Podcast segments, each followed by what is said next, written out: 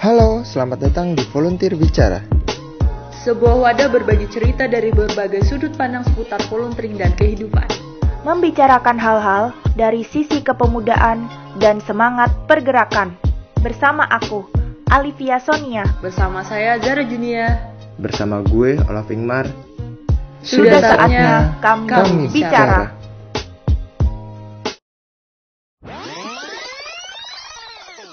Halo semuanya, kembali lagi di podcast Volunteer Bicara bersama saya Zara Junia Safira.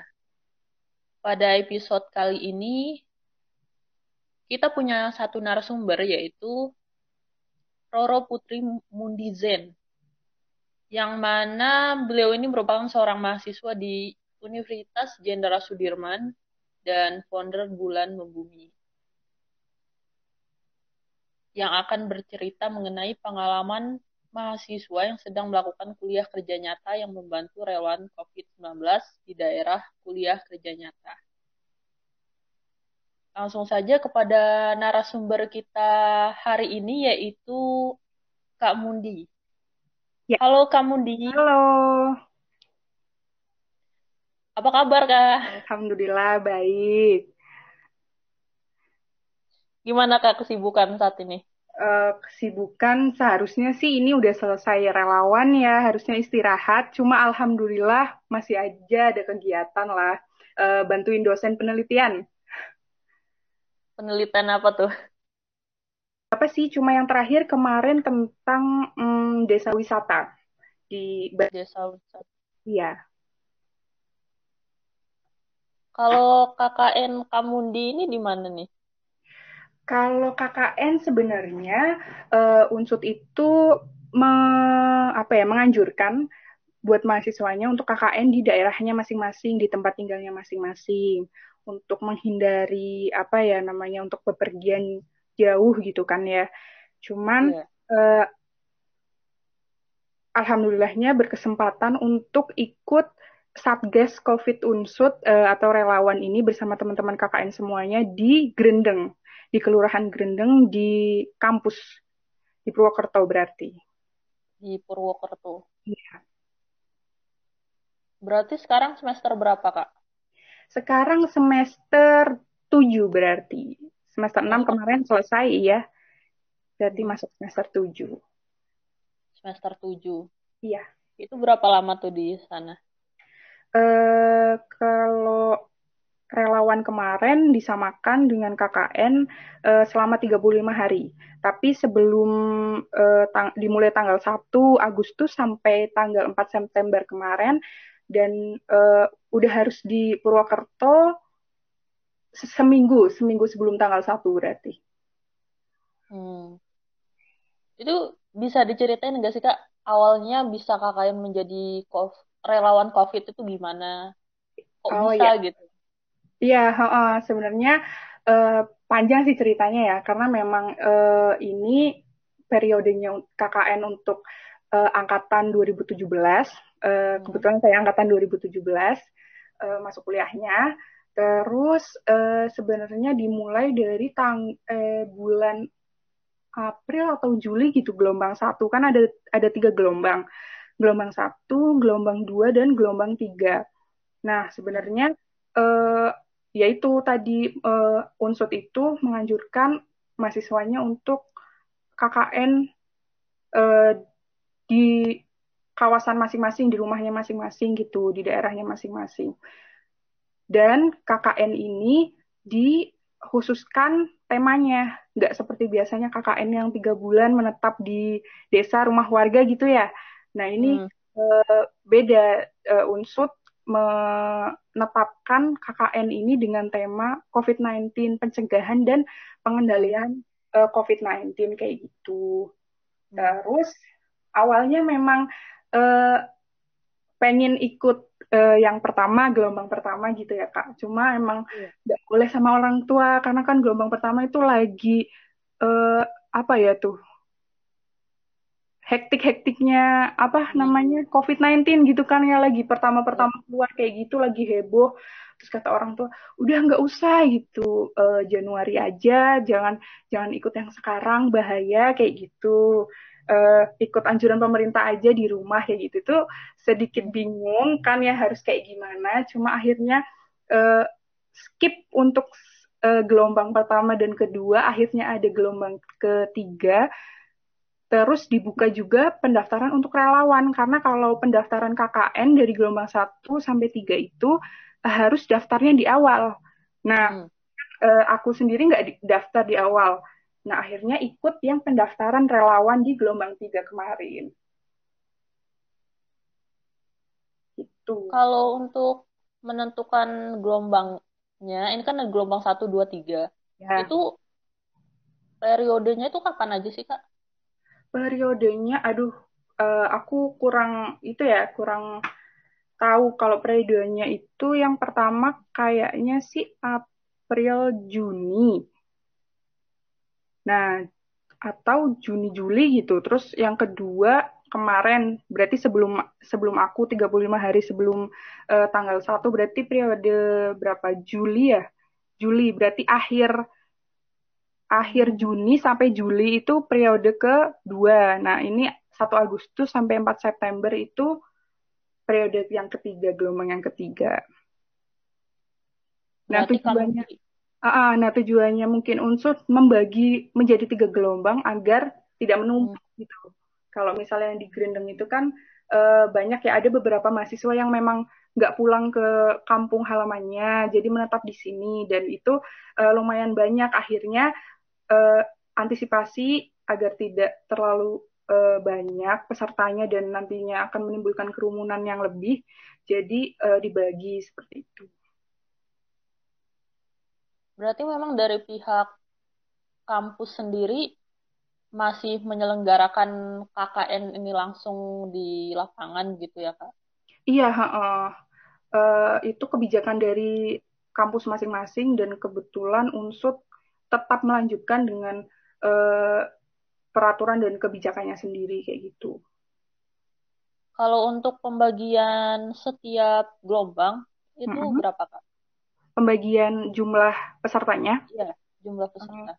kalau pembagiannya itu sebenarnya nggak ada apa ya, nggak ada patokan harus berapa dan minimal berapa. Setahu saya kayak gitu.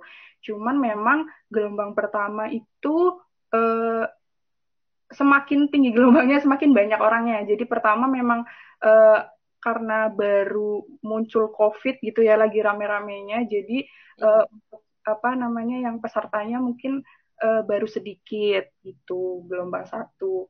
Tapi lebih banyak ternyata lebih banyak gelombang satu daripada gelombang kedua. Gelombang kedua menurun, uh, lalu paling banyak gelombang ini KKN dan relawan gelombang tiga paling banyak. Uh -uh. Gelombang tiga. Mungkin karena memang udah ya udah menurun dan ya. uh, ternyata dari teman-teman gelombang satu kedua uh, bilang menyampaikan bahwa ini uh, warga-warganya memang antusias, maksudnya uh, senang loh ada teman-teman relawan dan KKN kayak gitu membantu di masa pandemi ini kayak gitu. Jadi gelombang tiganya mungkin lebih semangat gitu ya kak? Iya.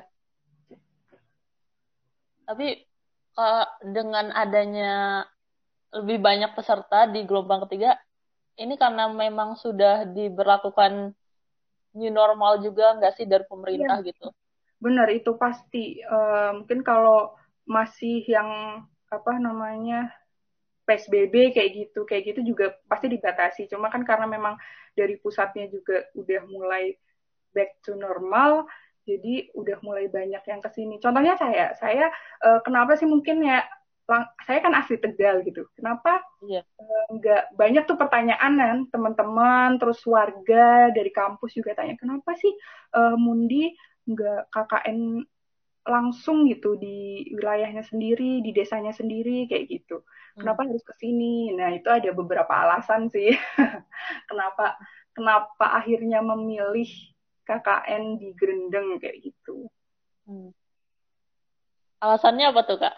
kalau nah, boleh tahu kalau alasannya sih sedikit gimana ya kayak uh, aneh tapi ya itu kenyataannya gitu yang pertama hmm. memang uh, ajakan teman maksudnya uh, saya uh, aku ini nggak nggak denger ada informasi pembukaan relawan lagi. Jadi ya tahunya aku bakal KKN nanti nyusul Januari tahun depan kayak gitu. Ternyata ada temen yang ngajak bahwa gelombang tiga ini ada pembukaan uh, relawan kayak gitu untuk COVID-19 gitu.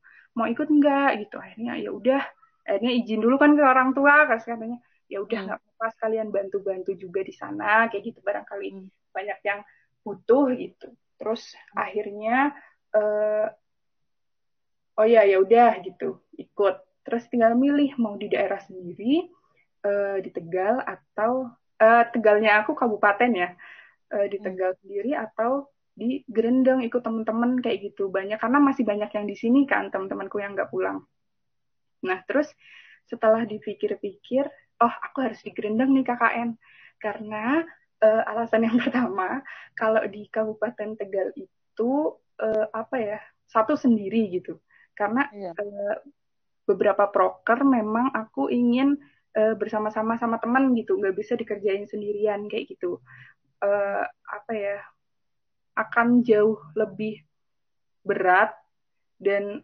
uh, ya itu akan jauh lebih berat. Dan terus yang kedua alasannya kalau di Kabupaten Tegal itu kayak kayak nggak ada corona kak. Kayak apa ya? Uh, jadi kayak uh, takut sendiri gitu.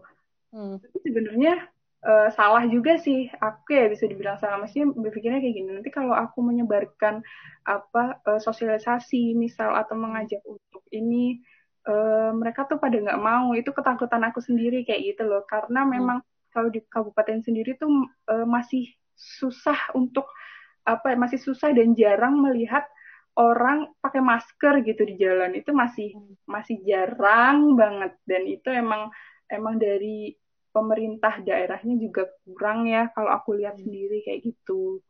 Terus uh, alasan berikutnya ya karena banyak juga yang digerendeng jadi ikut dan udah ada beberapa yang punya program kerja yang jelas gitu. Jadi lebih semangat dan bisa kontribusinya benar-benar nyata gitu. Nanti kalau misal uh, di desa sendiri takutnya malah males-malesan juga kan. Uh, deket rumah jadi nggak full kayak gitu. Pengennya pulang atau kayak gimana kayak gitu sih. Kurang lebih. Tapi ada kan kalau tadi kamu dibilang kalau di daerah sendiri timbul ketakutan. Mm kalau misalnya di daerah yang tempat kamu di ini awalnya kamu ini merasa takut juga nggak sih gitu sebenarnya? Dengan iya. banyaknya orang kayak gitu. Iya uh, takut juga lah. Uh, tapi setelah dipikir-pikir kayak gitu kan pasti membandingkan ya membandingkan daerah yang akan dituju sama uh, daerah sendiri. Mungkin kalau uh, pribadi sendiri melihat uh, kalau Purwokerto lebih disiplin gitu ya mungkin orang-orangnya kayak gitu walaupun ya tetap uh, ada beberapa beberapa berita mem memberitakan uh, dengar nggak dulu yang masalah-masalah uh, apa tuh penolakan jenazah di Banyumas kayak gitu ada apa kan Iya, iya. Kayak gitu. Nah, itu ada apa kan banyak konflik gara-gara pandemi ini, ya itu juga takut. Terus hmm. Ketakutannya juga memang eh, nggak ada jaminan sama sekali. Maksudnya, walaupun ini kan relawan uh, atas nama unsut ya dibalik karena kita kan juga relawan uh, proker tiap hari pakai almet alma mater gitu alma mater hmm. unsut jadi tapi dari ususnya sendiri pun gak ada jaminan gitu maksudnya kalau ada mahasiswa yang kena atau sakit kayak gitu tuh tidak tertulis di peraturannya uh, ada jaminan kayak gitu ya pasti uh, merasa takut lah bukan daerahnya sendiri juga gitu tapi karena apa ya lebih matang itu karena udah banyak yang di sini sebelumnya juga udah ada beberapa gelombang jadi lebih tata gitu sih Berarti kalau respon dari masyarakatnya sendiri menerima? Kalau respon dari masyarakat sendiri, alhamdulillahnya mereka seneng banget dari awal sampai uh, akhir kemarin penutupan juga. Pertama kan uh, kita ke sana dulu kan pergantian kayak uh, izin untuk melakukan uh, KKN dan relawan lagi, melanjutkan gelombang yang sebelumnya kayak gitu. Terus oh ada ada lanjutannya mereka senang mereka tanya kayak gitu kayak iya kemarin padahal apa namanya uh, anak-anaknya tuh udah pada semangat. Kan kita ada salah satu program kerjanya kan pendampingan kelompok belajar anak-anak kecil anak-anak SD TK sama hmm. PAUD kayak gitu.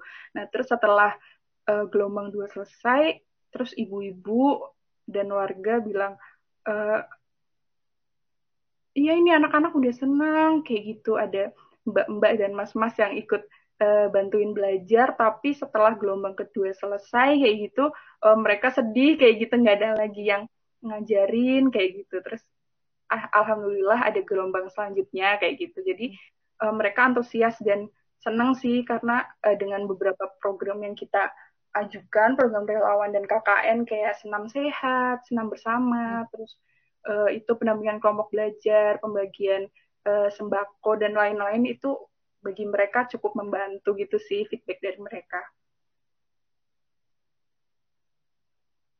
Ya, untuk kegiatannya tadi kan kakak menyebutkan beberapa itu ya. Hmm. Apa ada kegiatan lain gak kak selain itu yang ada menjadi relawan? Ya, ada banyak. Kalau itu kan dibagi tuh kegiatan ada yang uh, mandiri itu dengan apa kegiatan yang kita usulkan dan mandiri eh, sendiri gitu ada yang bareng-bareng sama teman-teman berarti satgas teman-teman KKN dan relawan yang lain ada yang juga ikut gabung sama uh, program kelurahan seperti itu kalau program kelurahan kemarin ada uh, pembagian bantuan uh, sembako terus ada donor darah ada pembagian apa itu susu susu sehat seperti itu. Nah, itu gabungan uh, program kerja dari kelurahan kayak gitu. Nah, kalau yang sama tim lumayan banyak, tetap kayak ada uh, program kerja penyemprotan disinfektan, pembagian masker, hand sanitizer, uh, banyak sih, lumayan. Berarti memang bekerja sama juga ya dengan lurah di situ atau ya, sama pemerintah ya, uh, di situ kita bekerja sama banyak juga. Jadi memang uh, setiap harinya pun ada, dibagi peserta itu KKN maupun relawan dibagi untuk menjaga pos pos penjagaan atau posko satgas itu di kelurahan. Jadi uh, itu tujuannya semisal ada warga yang meminta bantuan mengenai COVID atau apa pun informasi atau ada yang sakit atau apa bisa datang dan kita bisa eh, sama-sama ikut menanggulangi seperti itu. Oke, kan ini menjadi relawan COVID ya kak? Iya. Ada jaminan kesehatan nggak sih dari kampus untuk nah, mahasiswa nah, yang KKN ya. menjadi relawan itu? Eh, sedikit aku up ya tadi di awal-awal eh, di awal-awal ya itu nggak ada jawabannya nggak ada nggak ada jaminan kesehatan atau apa pun dari kampus. Itu udah jelas di apa ya disebutkan di peraturannya kampus tentang KKN ini. Dan sempat awal-awal itu ada beberapa mahasiswa termasuk saya itu menyayangkan dan bertanya gitu uh, apa ya mengajukan pertanyaan kan dibuka juga tuh setelah peraturan itu dibuka dibu uh, diberikan terus itu dibuka sesi tanya jawab kayak itu dengan mahasiswa yang akan uh, menjadi relawan ataupun KKN gitu. Nah terus uh, ada beberapa mahasiswa termasuk saya juga menanyakan kenapa nggak ada jaminan atau kayak gimana Pak atau Bu kalau semisal dari kita yang KKN relawan itu kena amit-amit gitu ya kena hmm. kena covid kayak gitu atau sakit apakah ada jawabannya nggak ada sangat disayangkan padahal kita ke situ bukan atas nama pribadi kan bukan iya. atas yeah. saya uh, aku ke situ relawan uh, pribadi mandiri atas nama Mundi saya dari Tegal kayak gitu kan enggak kita ke situ gelombang tiga dari uh, unsut fakultas ini jurusan ini kayak gitu. Itu sangat disayangkannya di situ sih. Berarti respon kamu di beserta mahasiswa yang lain eh, gimana kak? Cukup kecewa gitu ya dengan ya awal-awal aduh gimana ya jadi jadi kita bimbang mau ikut apa enggak? Gitu kan. Maksudnya kan itu namanya salah satu upaya penjagaan ya maksudnya melindungi diri gimana nih maksudnya kita juga uh, melakukan ini selain karena keinginan pribadi juga kan memang uh, ada kewajiban gitu kan dari dari unsur sendiri untuk melaksanakan KKN kayak gitu. Tapi kenapa pertanyaannya kenapa dari unsur sendiri nggak dari pihak kampus sendiri gitu nggak ada jaminan atau seenggaknya kalau ada yang sakit uh, jaminannya kayak gimana atau penanggulangannya kayak gimana itu nggak ada jawabannya memang nggak ada jadi ya kita kecewa terus tinggal yang mau ya lanjut terus aja kalau yang memang nggak berani ya udah nggak jadi ikut kayak gitu hmm. sih tapi sempat ada protes gak sih kak kepada pihak kampus apalagi kan hmm. kalian tidak hmm. diberikan jaminan kesehatan gitu hmm. Kalau sih uh, aku belum pernah dengar ya, maksudnya belum pernah dengar ada mahasiswa yang ke kampus atau ke pihak LPPM gitu untuk uh, meminta ini gitu agar diperbaiki peraturannya agar bisa menjamin kita gitu. Uh, belum ada sih, cuma ya pertanyaan pertanyaan-pertanyaan itu dan uh, di sesi tanya jawab itu, terus memang jawabannya udah nggak ada ya udah kita nggak bisa ngapa-ngapain. Jadi memang saat melangkah ke tempat KKN, iya. Perasaannya mungkin campur iya. aduk. Apalagi kan maksudnya uh, corona itu kan maksudnya apalagi di daerah aku gitu maksudnya ada dan tiada ya maksudnya mm-hmm.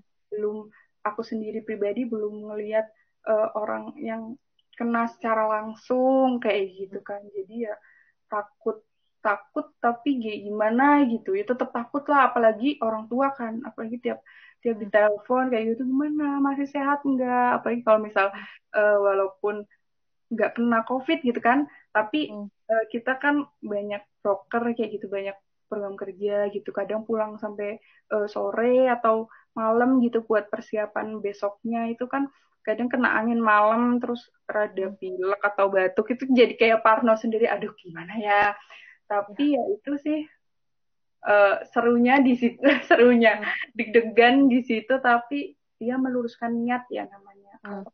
uh, relawan KKN karena KKN ini kan bukan cuma yang membuat broker apa KKN kayak biasa-biasanya itu misal uh, bikin uh, tempat sampah atau kayak gimana misal kayak gitu kan enggak ini memang temanya uh, KKN dan relawan uh, COVID-19 kayak gitu udah ada beberapa uh, program kerja yang diusulkan dari uh, kampus sendiri bahwa tidak jauh-jauh lah program kerja itu jangan membuat program kerja uh, yang tidak ada hubungannya dengan pencegahan dan penanggulangan COVID-19 kayak gitu. Setiap harinya juga kan dipantau kita ada dari kampus itu namanya uh, pembimbing, pembimbing lapangan relawan kayak gitu tuh ada.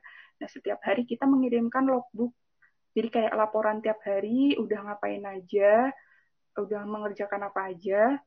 Dan itu kalau misal memang ada kegiatan yang tidak ada sangkut pautnya dengan pencegahan dan pengendalian COVID-19 itu nanti diingatkan sama uh, dosen pendamping itu nanti ini kalau nggak ada manfaatnya jangan kayak gitu. Bisa hmm. cari lagi yang lain kayak apalagi udah muncul berita-berita juga kan bikin kita parno juga kan ya. Oh kan terus dan terus setiap hari bertambah gitu kan. Hmm. barangkali salah satunya dari kita gitu kan amit-amit. Terus awal awalnya itu respon orang tua gimana tuh kak? Ketika harus KKN menjadi relawan COVID. Nah itu.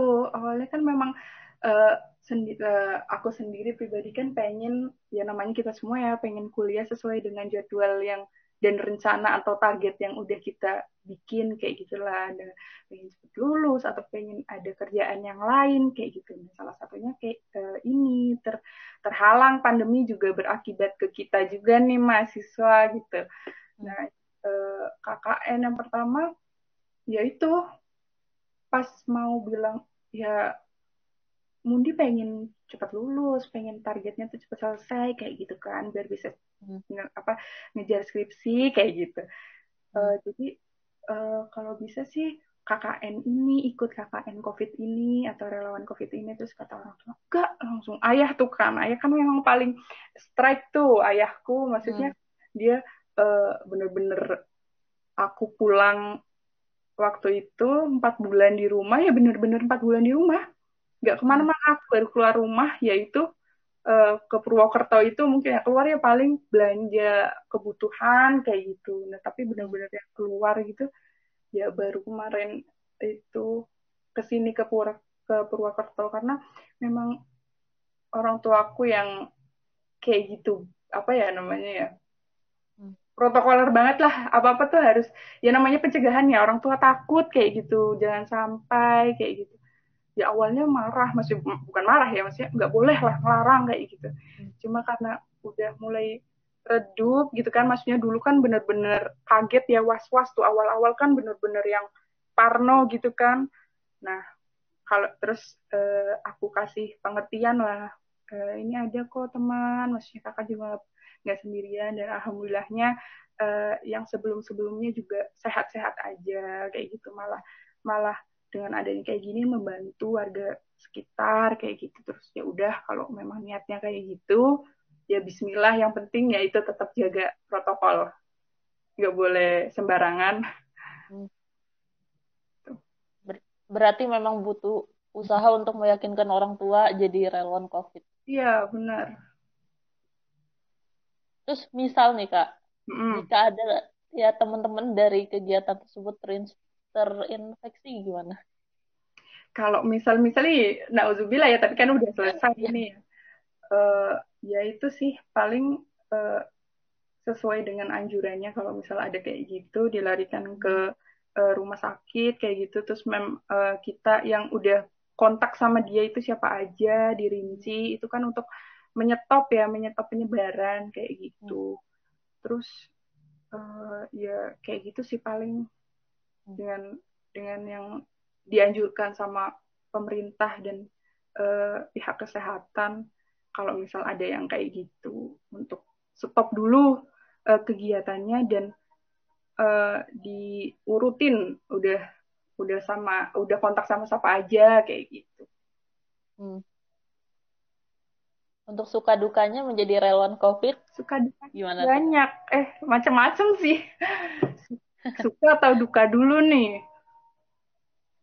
Yang mana aja deh? Kalau duka dulu ya tapi dukanya kayaknya nggak ada duka paling apa ya masih itu apa masih ada beberapa warga yang kurang paham tentang KKN ini mereka taunya kita KKN kayak biasa kayak gitulah maksudnya hmm. banyak proker-proker besar atau program yang uh, melibatkan banyak warga kayak gitu. Nah itu masih apa ya masih sulit lah untuk mema apa ya memberikan pemahaman bagi warga kayak gitu. Karena kan mereka kalau ada anak KKN kan uh, pengennya banyak ya warga kayak pengen ini, pengen itu, pengen ini, pengen itu, tapi kitanya sendiri memang dibatasi karena memang ada temanya, temanya hmm. COVID-19 itu ya kita sedikit apa ya memberi penjelasan lah kayak gitu, memohon pada warga bahwa tolong dipahami lagi bahwa ini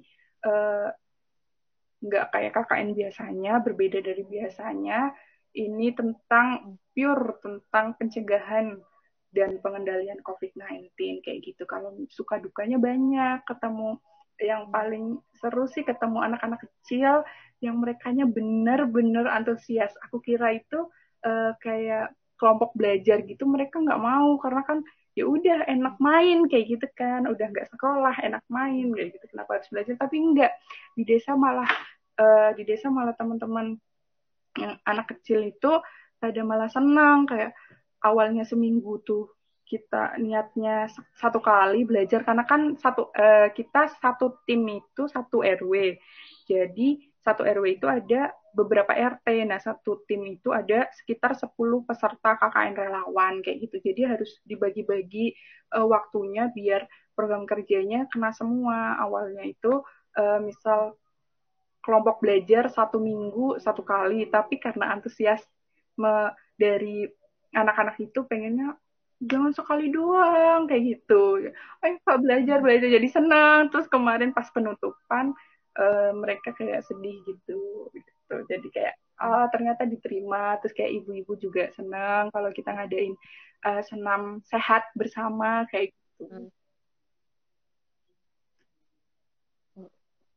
berarti kalau yang dari masyarakat setempat memang banyak harapan yang ingin direalisasikan begitu ya? Iya, uh, banyak kayak misal uh, di daerah salah satu RW di situ ada sumber daya alam uh, peternakan ikan misal kayak gitu. Uh, hmm. Mungkin dari uh, anak uh, anak-anak mahasiswa KKN atau relawan mungkin bisa ada inovasi atau inovasi atau apa kayak gitu untuk nah itu kan eh, apa ya kurang ya kurang bersentuhan langsung dengan tema kita sendiri COVID-19 sendiri gitu. Jadi ya mereka pengennya atau kumpul kayak misal oh iya kita kan ngelewatin 17 Agustusan tuh kemarin.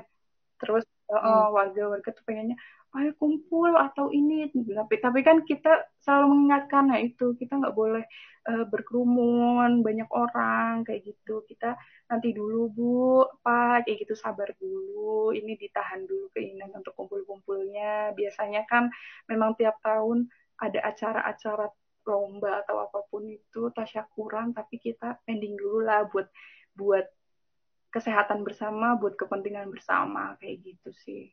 Hmm ada cerita yang menarik mungkin kak menjadi relawan COVID cerita ini? yang menarik. Yang berkesan. Berkesan menarik. Uh, itu sih pas apa ya? Ya itu salah satunya tadi udah diceritain uh, pengajaran hmm. sama anak-anak. Terus menarik juga karena kita kan uh, ada program kerja pembagian uh, apa peningkatan gizi dan kesehatan salah satunya dengan pembagian bubur kacang hijau. Nah itu hmm. uh, kita kan dari mahasiswa mungkin banyak yang jarang masak kayak gitu ya. Jadi uh, itu senang lah bareng-bareng untuk apa bikin percobaan bikin bubur kayak gitu karena terus apa namanya enak enggak harus enak kayak gitu harus hmm. sesuai hmm. terus habis itu dibungkusin bareng-bareng terus pas bagiin terus dari warganya senang gitu terima kasih ya gini-gini. Terus bantuin itu program kerja yang sama kelurahan itu ada donor darah kayak gitu kan. Senang melihat apa antusias warga walaupun masa pandemi kayak gini masih banyak yang mau donor kayak gitu. Contohnya masih banyak yang mau meluangkan waktu datang untuk uh, mendonorkan darahnya kayak gitu. Kayak respect ke respectful ke mereka. Hmm. Nah, kamu di sekarang kan udah new normal gitu atau yang iya. back to normal hmm. gitu. Nah, pendapat kamu di sendiri mengenai COVID saat ini tuh bagaimana sih? Dan apa yang harus kita lakukan? Hmm, pendapat tentang COVID lah sebenarnya kalau ngomongin COVID-19 ya, uh, kalau dikasih pendapat uh, kalau diminta pendapat kayak gitu. Uh, sadar nggak Kak Zara itu kalau COVID-19 ini udah menuju apa ya kayak agama gitu. Dia jadi itu yang sensitif.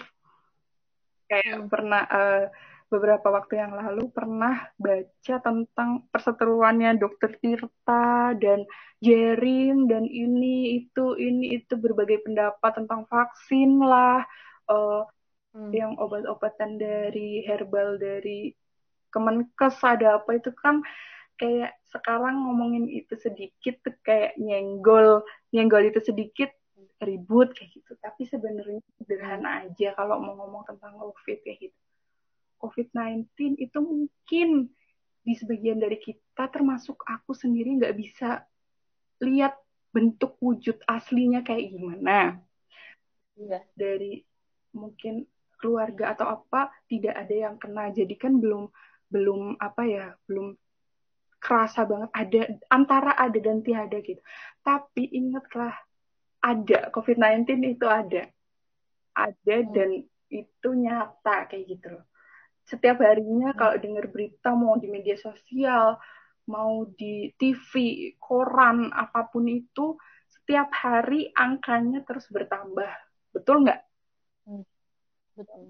angkanya terus bertambah, angka positif, angka kematian terus bertambah dan Indonesia itu negara yang masih jauh banget untuk apa ya kembali normal lagi lah. Jadi back normal itu se se sepantasnya itu tidak tidak apa ya tidak bisa benar-benar normal gitu. Apanya kayak gitu, apanya yang harus normal kayak gitu karena memang kenyataannya masih banyak. Nah, buat teman-teman semuanya anggap COVID itu ada dan ubah prinsipnya kalau menurut aku kayak gitu. Aku diajarin sama orang tuaku untuk mengubah prinsip. Gampangnya gini aja. Jangan berpikir kita itu akan tertular oleh orang lain. Jangan kayak aku takut ah aku bakal tertular orang lain, aku bakal aku bakal kena COVID gara-gara orang lain. Tapi jangan ubah mindset itu jadi apakah aku yang akan menularkan orang lain? Apakah aku apakah aku juga bisa jadi carrier dan uh, membuat orang jadi sakit apalagi meninggal kayak gitu. Itu apa uh, mindsetnya diubah jadi kayak gitu bahwa bukan aku yang ditularin tapi aku yang menularkan gitu. Jadi memang protokol kesehatan memang harus walaupun kita memang antara ada dan tiada COVID-19 kayak gimana toh gampang masih apa pakai masker tinggal pakai sekarang udah banyak di mana-mana. Dan jangan lupa pakai masker sekali eh, eh apa guna ulang jangan yang sekali pakai karena setelah pandemi ini tetap permasalahan utama yaitu lingkungan. Jangan lupakan jangan eh, tetap lingkungan itu kesehatan eh, berkaitan banget sama pandemi ini. Dan itu sih tetap jaga jarak dan yang lain-lain itu. hmm. Tapi sekarang masyarakat itu jadi kayak salah paham mengenai new normal yeah. gitu. Sehingga yang kita perhatiin sekarang kan masyarakat mulai kayak ya acuh tak acuh mm-hmm. gitu. Apalagi menggunakan masker, terus mematuhi protokol kesehatan. Itu gimana tuh kak pendapat kakak? Ya emang susah sih ya. Maksudnya kalau itu kan berbentokan langsung dengan isu ekonomi. Pasti kayak gitu kan di disangkut pautin lah bahwa kita nggak bisa diem terus di rumah. Ada yang harus makan, ada yang harus uh, cari uang kayak gitu. Memang ya memang itulah. Tapi kan memang uh, kita harus ngelihat situasi kondisi yang memang ada hmm. dan patuhi aja anjuran dari pemerintah dan apa pihak kesehatan kayak gitu. Walaupun memang udah new normal, udah boleh ada beberapa kantor yang udah boleh uh, berangkat ke kantor, udah buka, ada yang uh, sekolah udah mulai buka kayak gitu, tapi tetaplah jaga jaga diri sendiri, jaga keluarga karena kita banyaknya sekarang kan yang kena itu yang nggak kelihatan. Maksudnya mereka awalnya kayak kayak gini kayak kita gitu sehat tapi nggak tahu di dalamnya kita kena atau enggak. Nah kita misal uh, kena virus nih, tapi kita sehat. Nah kita pulang hmm. di rumah orang tua kita atau adik kita ada yang sakit gitu. Nah kita carrier mereka hmm. uh, kita nggak sakit, kita kena tapi kita nggak sakit. Yang, yang sakit, yang kena ya itu keluarga kita atau teman kita Nah, jangan sampai kayak gitu sih. Maksudnya tetap uh, kalau memang udah dibolehkan gitu untuk pergi, untuk uh, hmm. naik transportasi umum atau apa ya, monggo nggak apa-apa. Toh itu dari pusat memang udah diperbolehkan, tapi kan tetap saja uh, harus mema uh, mematuhi protokol kesehatan karena itu sekarang udah bukan hal yang baru ya bisa itu semua udah jadi kebiasaan yang baru pakai masker, bawa hand sanitizer, cuci tangan itu. Hmm. Gitu sih. Dan kan tadi kamu dibilang uh, dari pemerintah sendiri kan sudah mengizinkan ya untuk mm -mm. keluar masuk kendaraan yang keluar kota yeah. atau iya. mana. Kemudian karena ada dari faktor ekonomi juga. Terus pendapat kamu di mengenai yang sekarang udah mulai banyak nih yang kumpul-kumpul gitu nggak sekarang malah nggak merhatiin lagi tuh jaga jarak gimana? Apa ya? Uh, kalau itu sih mungkin uh, terlalu longgar ya menurut aku. Maksudnya hmm. kalau itu dibolehkan tapi angka uh, COVID dan kematiannya, angka positif dan kematiannya itu memang udah stabil, udah turun kayak gitu ya nggak apa-apa kalau itu mau dinormalkan. Tapi kan sekarang tuh masih naik terus yang meninggal yang uh, masih naik terus walaupun yang sembuh juga naik. Tapi kan masa yang uh, terakhir aku baca 8.000 yang meninggal. Nah itu nyawa gitu kan maksudnya. Ya terlalu longgar lah. Ada beberapa hal yang memang aku lihat di berita itu yang nggak seharusnya dilakuin untuk sekarang kayak pembukaan mall baru banyak tuh di Jakarta kan hmm. pembukaan mall baru atau uh, sekolah karena memang banyak kan apalagi sekolah SD gitu anak kecil yang nyatanya memang belum nalar dan susah kan kalau mereka ngap sedikit gitu napasnya dibuka terus mungkin hmm. jual jajan ikut apa ikut beli jajan terus kena ini itu lah itu ter, yang hal-hal yang memang seharusnya jangan dulu menurut aku tolong jangan dulu lah maksudnya. Sabar dulu lah daripada ya sakit-sakit dulu se sebentar maksudnya ditahan dulu biar covid cepat selesai.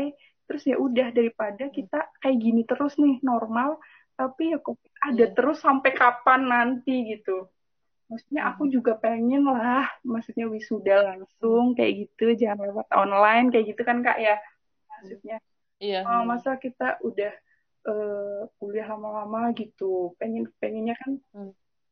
merayakannya bareng-bareng kayak biasanya. Aku juga kangen kalau pergi ke mana terus bisa deket sama orang nggak jauh-jauhan kayak gitu kumpul atau nonton konser itu kan kangen ya kita hmm. kangen ya. Tapi ya itu tahan iya. dulu gitu sekarang kan walaupun kayak iya. konser tuh udah apa udah dibuka lagi ada beberapa naik mobil tapi kan tetap aja kan kumpul mungkin orang dari uh, hmm. apa bosan di dalam mobil terus keluar lihat konsernya tetap aja itu berkerumun kayak gitu maksudnya jangan cari-cari hmm. alasan gitu untuk membuka atau menormalkan lagi walaupun uh, si COVID-nya ini belum benar-benar hilang, belum benar-benar stabil kayak gitu sih. Sekarang orang kayak salah mengartikan gitu ya iya. Kak, tentang hmm. new normal malah back to normal gitu. Kafe-kafe tuh banyak yang buka. Iya. Iya betul. Dan yang memang sebelumnya udah buka terus tutup karena covid terus buka. Enggak mereka tuh banyak kafe sekarang tuh yang memang malah dibangun terus dibuka. Jadi banyak banget tuh di Tegal tuh rame banget. Ada beberapa kafe baru. Terus hmm. serame itu bener-bener kayak nggak ada gitu kayak ya hmm. ampun gitu kan. Jangan dulu lah gitu. Ditahan dulu. Justru kayak orang malah salah mengartikan hmm. dengan adanya new normal justru malah seolah-olah ya udahlah anggap aja nggak ada gitu. Jadi bingung sih maksudnya pemerintah iya, iya, iya, buat kita kayak gini gini gini protokol kesehatan, tapi mereka juga mem membolehkan memberikan izin untuk beberapa mall buka atau kumpulan apa kayak gitu. Udah terus gimana maunya kayak gimana kayak gitu. Iya. Tapi kadang orang ada yang berpikirnya ya udahlah sugesti aja ya, gitu. kalau kita berpikirnya berpikirnya uh, santai-santai aja anggap aja nggak ada ya mungkin kita nggak akan ketularan padahal mah gimana ya? Nah itu. Bingung sih sebenarnya ya. Kita juga bingung kan ngomongin ngomongin ini covid sekarang ini. Cuma ya ya itu memang ada nyata sebenarnya nyata. Cuma memang hmm. kita jangan sampai jangan sampai kita telat ngomong terus. Hmm kita kena baru oh iya covid tuh beneran ada teman-teman kayak gitu jangan sampai jangan sampai ngomong kayak gitu setelah kita kena sekarang hmm. kita masih sehat ini tetap saling ngingetin sesama lah untuk tetap jaga protokol kayak gitu nggak apa-apa dibilang sombong nggak mau apa hmm. uh, salim tangan kayak gitu. Nggak mau deket-deket nggak mau kumpul di kafe dulu. Udah nggak apa-apa deh daripada barangkali aku yang bawa virusnya. Terus kalian semua ketemu aku salaman terus kalian semua kena kayak gitulah. Udah hmm. mindsetnya kayak gitu aja nggak apa-apa. Kan untuk kebaikan juga gitu. Hmm. apa ya? Bahkan uh, gimana ya? Iya. Aku sampai kehilangan kata-kata nih. Iya kayak iya saking bingungnya gitu dengan situasi saat ini. bingung banget sekarang ini. Tuh masih banget iya. tapi iya. normal dinormalkan. Ya apa maunya kayak gimana? Iya. bah bahkan bahkan di media-media itu ada beberapa yang, banyak banget kan ya berseteru ah Eh, nggak uh, ada tuh nggak ada bohongan semua itu nah, ada. hanya tipuan pemerintah gitu oh, ada yang kumpul oh, vaksin iya. anti covid aduh apa lagi? Duh. Jadi Sing. tambah bingung gitu gimana.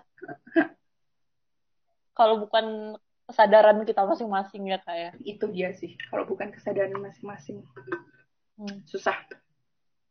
Ya saling mengingatkan aja lah kayak gini kita Iya, iya. Uh, Kak Zara ngingetin, uh, aku juga ikut ngingetin kan barangkali nanti podcast banyak yang dengar jadi Iya, iya betul betul. Yang dengar terus oh iya ya kayak gitu karena karena ya jangan mikirin diri sendiri diri sendiri nggak kena ya gitu tapi orang hmm. di sana karena pandemi ini yang nggak berakhir berakhir akhirnya mereka pekerjaan hilang iya betul sekolah berhenti kita ilmunya mandek kan nggak nggak bisa nambah gitu maksudnya hmm. walaupun kita sendiri hmm. online kayak gitu beda lah ya dengan ketemu langsung karena hmm. kan sekolah ya beda banget nggak cuma tentang materi kayak gitu tapi kan sosialisasi hmm. ada apa kayak gitu terus event-event kayak pengabdian relawan kayak gitu kan iya. itu berhenti semuanya ya itu makanya berpikirnya jangan cuma kena nggak kena atau